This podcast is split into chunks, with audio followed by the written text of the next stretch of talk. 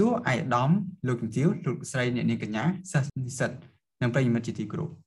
សូមស្វាគមន៍និងវិលត្រឡប់មកវិញជាមួយនឹងកម្មវិធីចាជូ podcast នេះគឺជា podcast លេខទី18កម្មវិធីចាជូ podcast គឺជាកិច្ចសន្ទនានិងកិច្ចសម្ភាសទៅលើប្រធានបទច្បាប់ជាតិនិងអន្តរជាតិជាមួយវាគ្មិនជំនាញប្រកបដោយខ្លឹមសារខ្លីខ្លឹមនិងមានប្រយោជន៍ខ្ញុំបាទសាទសុកវិសាជាអ្នកសម្របសម្រួលនៅក្នុងកម្មវិធីថ្ងៃនេះ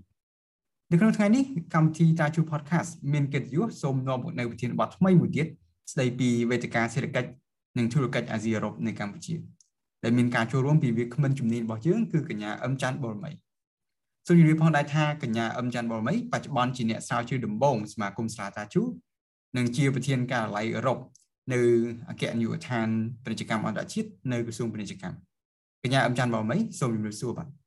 ចាសូមជម្រាបសួរវិសាល យើងបានពិភាក្សាគ្នាច្រើនតាក់ទងជាមួយនឹងវិទ្យាការសេដ្ឋកិច្ចនិងធុរកិច្ចអាស៊ីអឺរ៉ុបនេះផ្ទាល់នេះខ្ញុំសូមចូលមកដល់សំណួរមួយចំនួនដែលតាក់ទងជាមួយនឹងបតិការជុំវិញវិទ្យាការសេដ្ឋកិច្ចនិងធុរកិច្ចអាស៊ីអឺរ៉ុបនេះថ្មីថ្មីនេះភាពជាដៃគូសេដ្ឋកិច្ចគ្រប់ជ្រុងជ្រោយតំបន់ឬក៏ហៅថា ASEP ហ្នឹងទើបនឹងចូលធុញមាន ហើយកិច្ចព្រមព្រៀងដ៏ធំសម្បើមមួយនេះក៏មានការចូលរួមជាសមាជិកពីសេដ្ឋកិច្ចតំបន់ធំធំដូចជាអាស៊ាននិងបណ្ដាប្រទេសនៅអាស៊ីខាងកើតដូចជាចិនជប៉ុននិងកូរ៉េខាងត្បូងជាដើមចំពោះវាគ្មិនផ្ទាល់តើកញ្ញាយល់ថាកិច្ចព្រមព្រៀងអាស៊ាប់នេះអាចជះឥទ្ធិពលយ៉ាងណាដែរចំពោះទំនាក់ទំនងសេដ្ឋកិច្ចរវាងអាស៊ីនិងអឺរ៉ុបចាអឺ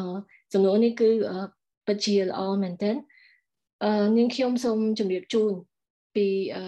លក្ខណៈនានានៃកិច្ចព្រមព្រៀងនេះជាមុនសិនយើងឃើញថាកិច្ចព្រមព្រៀង ពាណិជ្ជកម្មភាពជាដៃគូសេដ្ឋកិច្ចគ្រប់ជ្រុងជ្រោយតំបន់ RCEP ត្រូវបានចុះហត្ថលេខាកាលពីថ្ងៃទី15ខែវិច្ឆិកាឆ្នាំ2020និងបានចូលជាធរមាននៅថ្ងៃទី1ខែមករាឆ្នាំ2022នេះជាងនេះថាប្រទេសដែលជាសមាជិកនៃកិច្ចព្រមព្រៀង RCEP នេះគឺមានចំនួន15ដែលរួមមានទាំងសមាជិកអាស៊ានទាំង10មានដូចជាអាស៊ានបូក1ដូចជាចិនកូរ៉េជប៉ុនអូស្ត្រាលីនិងប្រទេសនូវែលសេឡង់យើងឃើញថា កិច្ចព្រមព្រៀងនេះគឺជាកិច្ចព្រមព្រៀងពាណិជ្ជកម្មដ៏ធំបំផុតនៅក្នុងពិភពលោកដែលមានទំហំសរុបប្រមាណ26.2 trillion ដុល្លារអាមេរិកឬស្មើ30%នៃផលិតផលក្នុងស្រុកសរុបរបស់ពិភពលោកនិងក្របដណ្ដប់លើប្រជាជនប្រមាណ2.2ពាន់លាននាក់ឬ30%នៃប្រជាជនពិភពលោកហើយចំពោះកិច្ចព្រមព្រៀងនេះដែរគឺមានរហូតដល់20ចម្ពោះ និង510ទំព័រមិនត្រឹមតែចែកអំពីការកាត់បន្ថយអត្រាពន្ធគយទេប៉ុន្តែព្រមទាំងវិនិយោគកម្មសិទ្ធិបញ្ញាការប្រកួតប្រជែងសាមញ្ញកម្មនៃវិធានដើមកំណត់ទំនិញនិងពាណិជ្ជកម្មតាមប្រព័ន្ធអេឡិចត្រូនិកឡាក់ទាំងឡាក់ជាយើងឃើញថាបើយោងទៅតាមការស្រាវជ្រាវរបស់សាស្ត្រាចារ្យ Peter Petrie ដែលមកពីវិទ្យាស្ថាន Peterson សម្រាប់សេដ្ឋកិច្ចនិងអន្តរជាតិដែលគេហៅកាត់ថា PPIE PIIE និងលោកសាស្ត្រាលោកសាស្ត្រាចារ្យ Michael Plummer មកពី East West Center ការធ្វើសាមញ្ញកម្មនៃវិធានដើមកំណត់ទំនិញនៅក្នុងកិច្ចព្រមព្រៀងនេះអាចធ្វើឲ្យប្រទេសជាសមាជិកគឺមានភាពងាយស្រួលក្នុងការចាត់ចែងខ្សែច្រវាក់តម្លៃអឺនិងផ្គត់ផ្គង់តំបន់ដូចនេះយើងឃើញថា OSCE ត្រូវបានរំពឹងថានឹងចូលរួមចំណែកក្នុងកំណើន GDP ក្នុងតំបន់ប្រមាណ0.4%ស្មើនឹង187 billion ដុល្លារអាមេរិកត្រឹមឆ្នាំ2030អញ្ចឹងយើងថា សម្រាប់ប្រទេសជឿនលឿនដូចជាប្រទេសចិនជប៉ុននិងកូរ៉េគឺអាចនឹងទទួលបានកំណើនក្នុងផលិតកម្ម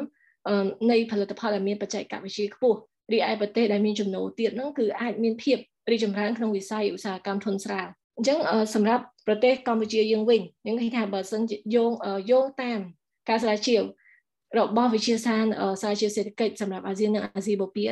ហៅកាត់ថា area កម្ពុជា អាចនឹងទទួលបានកំណើនប្រចាំឆ្នាំសម្រាប់ការនាំចេញចំនួន7.3%វិនិយោគចំនួន23.4%និងផលិតផលក្នុងស្រុកចំនួន2%លើផលិតផលក្នុងស្រុកសរុបដែលមានបច្ចុប្បន្នអញ្ចឹងនាងខ្ញុំមានសុតិធិនិយមថាកិច្ចព្រមព្រៀង offset នឹងនឹងផ្ដល់ផលវិជ្ជមានចំពោះទំនាក់ទំនងសេដ្ឋកិច្ចនិងធុរកិច្ចរវាងអាស៊ីនិងអឺរ៉ុបពីព្រោះតំបន់អឺរ៉ុបគឺជាគោលដៅនាំចេញដ៏សំខាន់និងមានសក្តានុពលសម្រាប់ ប្រទេសនៅក្នុងតំបន់អាស៊ីនិងដូចគ្នាដែរចំពោះប្រទេសនៅក្នុងតំបន់អឺរ៉ុបនេះខ្ញុំយល់ឃើញថាទោះបីជាមានភាពប្រកួតប្រជែងនៃផលិតផលអឺរ៉ុបអឺនឹងការការនាំចូល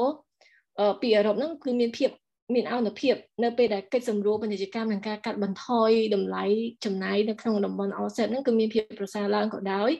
ក៏អឺរ៉ុបនៅតែទទួលបានអត្ថប្រយោជន៍តាមរយៈការចូលរួមក្នុងខ្សែចង្វាក់គ្រប់គ្រងពីព្រោះថាយើងឃើញថាវិធានដើមកំណើទំនិញ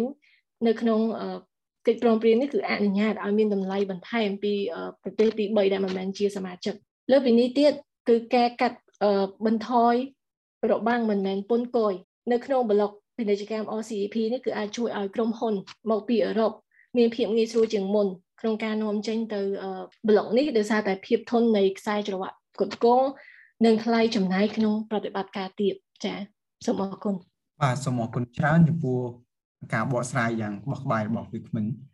នៅក្នុងសំណួរមួយនេះឥឡូវនេះយើងចូលមកដល់សំណួរចុងក្រោយរបស់យើងវិញម្ដងអឺ ដោយដែលយើងគ្រប់គ្នាបានដឹងហើយថាប្រទេសកម្ពុជាយើងក៏ជាសមាជិកមួយនៅក្នុងកិច្ចព្រមព្រៀងអាស៊ានអឺជាសមាជិកនៅក្នុងតំបន់អាស៊ាននិងនៅក្នុងអេសាំផងដែរ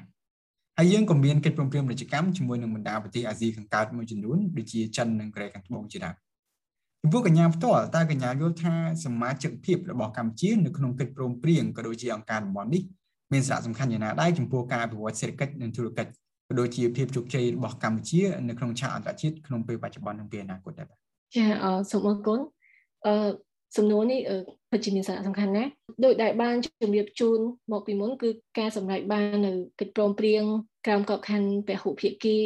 ក្របខ័ណ្ឌក្នុងតំបន់និងទ្វេភាគីព្រមទាំងទទួលបានសមាជិកភាពនៅក្នុងអង្គការតំបន់សំខាន់ៗគឺពិតជាមានសារៈសំខាន់សម្រាប់កម្ពុជាក្នុងការអភិវឌ្ឍសេដ្ឋកិច្ចប្រកបដោយចីរភាពនិងបរិយាបន្ន ព្រមទាំងលើកកម្ពស់សុខុមាលភាពសង្គមអឺពីព្រោះយើងអាចទទួលបានតាមរយៈការធ្វើពីបដកម្មទីផ្សារនាំចេញនៅភាពតាក់ទាញការវិនិយោគដែលអាចជួយបង្កើតឱកាសការងារជូនប្រជាពលរដ្ឋនិងបង្កើនប្រាក់ចំណូលជាការពិតនាងខ្ញុំពិតជាមានមោទនភាពចំពោះកិច្ចខិតខំប្រឹងប្រែងយ៉ាងសកម្មរបស់រាជរដ្ឋាភិបាលកម្ពុជានាពេលកន្លងមកនិងបច្ចុប្បន្នក្នុងការអនុម័តច្បាប់និងបទបញ្ញត្តិថ្មីថ្មីការធ្វើកំណែទម្រង់ស្ថាប័នរួមទាំងការអភិវឌ្ឍ ធនធានមនុស្សដើម្បីទាញយកអត្ថប្រយោជន៍ជាអតិបរមាពីសមិទ្ធផលដ៏សំខាន់ទាំងនេះនៅក្នុងបរិបទបដិវត្តឧស្សាហកម្មចំនួនទី4និងប្រកក្តីភាពថ្មីដែលបណ្ដាលមកពីជំងឺ Covid-19 ជាពិសេសទៅទៀតយើងឃើញថាក្រោមការដឹកនាំដ៏ខ្ពង់ខ្ពស់នៅប្រកបដោយគតិបណ្ឌិតរបស់សម្ដេចអគ្គមហាសេនាបតីតេជោហ៊ុនសែននាយករដ្ឋមន្ត្រីនៃប្រជាជាតិកម្ពុជាគឺបានធ្វើឲ្យប្រទេសជាតិយើងមាតុភូមិកម្ពុជាមានសុខសន្តិភាពវិបុលភាព និងអភិវឌ្ឍលើគ្រប់វិស័យដែលធ្វើឲ្យទទួលបាននូវការគ្រប់គ្រងនិងជឿជាក់ពីគ្រប់មជ្ឈដ្ឋានទាំងក្នុងតំបន់ទាំងក្នុងប្រទេសក្នុងតំបន់និងអន្តរជាតិដូចនេះខ្ញុំមានជំនឿថានាពេលអនាគតប្រទេសកម្ពុជានឹងអាចបើកច្រកទីផ្សារថ្មីថ្មីនិងសំខាន់សំខាន់បន្ថែមទៀតតាមរយៈសក្ខីភាពនៃការបដិញ្ញាចិត្តនិងកិច្ចខិតខំប្រឹងប្រែងរបស់រាជរដ្ឋាភិបាលកម្ពុជាព្រមទាំងកិច្ចចានុភាពជាតិជាមួយនឹងការចូលរួមយ៉ាងជិតស្និទ្ធ ពីសំណាក់វិស័យឯកជននិងដៃគូអភិវឌ្ឍន៍នានាចាសូមអរគុណសូមអរគុណចំពោះការបកស្រាយយ៉ាងពិស្ដាររបស់វាគ្មិនកិត្តិយសរបស់យើងក្នុងថ្ងៃនេះខ្ញុំជឿជាក់ថាប្រិមិត្តពិតជាទទួលបាននូវចំណេះដឹងពោពេញទៅដោយខ្លឹមសារនិងអត្ថន័យច្បាស់លាស់ចេញពីវាគ្មិនជំនាញរបស់យើងនៅក្នុងនេះខ្ញុំបានជំនួសមុខឲ្យក្រុមការងារត្រាជួ podcast សូមអរគុណទៅដល់កញ្ញាអឹមច័ន្ទបូរមីដែលបានចំណាយពេលវេលាដ៏មានតម្លៃចូលរួមជាវាគ្មិនជំនាញនៅក្នុងកម្មវិធីយើងនៅក្នុងថ្ងៃនេះ ហើយក៏សូមអរគុណផងដែរចំពោះប្រិមិត្តទាំងអស់ដែលបានបន្តស្ដាប់និងគ្រប់គ្រងកម្មវិធីតាជួ podcast របស់យើងខ្ញុំក្រុមការងារសន្យាវើមកវិញជាមួយនឹងប្រធានបទច្បាប់ពេញនិយមដើម្បីបន្តបេសកកម្មរបស់យើងក្នុងការបន្តចែកចាយចំណេះដឹងច្បាប់ខ្លីខ្លឹមនិងមានប្រយោជន៍ជូនដល់ប្រិយមិត្តទាំងឡាយកម្មវិធីរបស់យើងក៏បានឈានមកដល់ទីបញ្ចប់អនុញ្ញាតឲ្យខ្ញុំបាទកញ្ញាអឹមច័ន្ទបរមីនិងក្រុមការងារសូមអរគុណនិងគោរពលា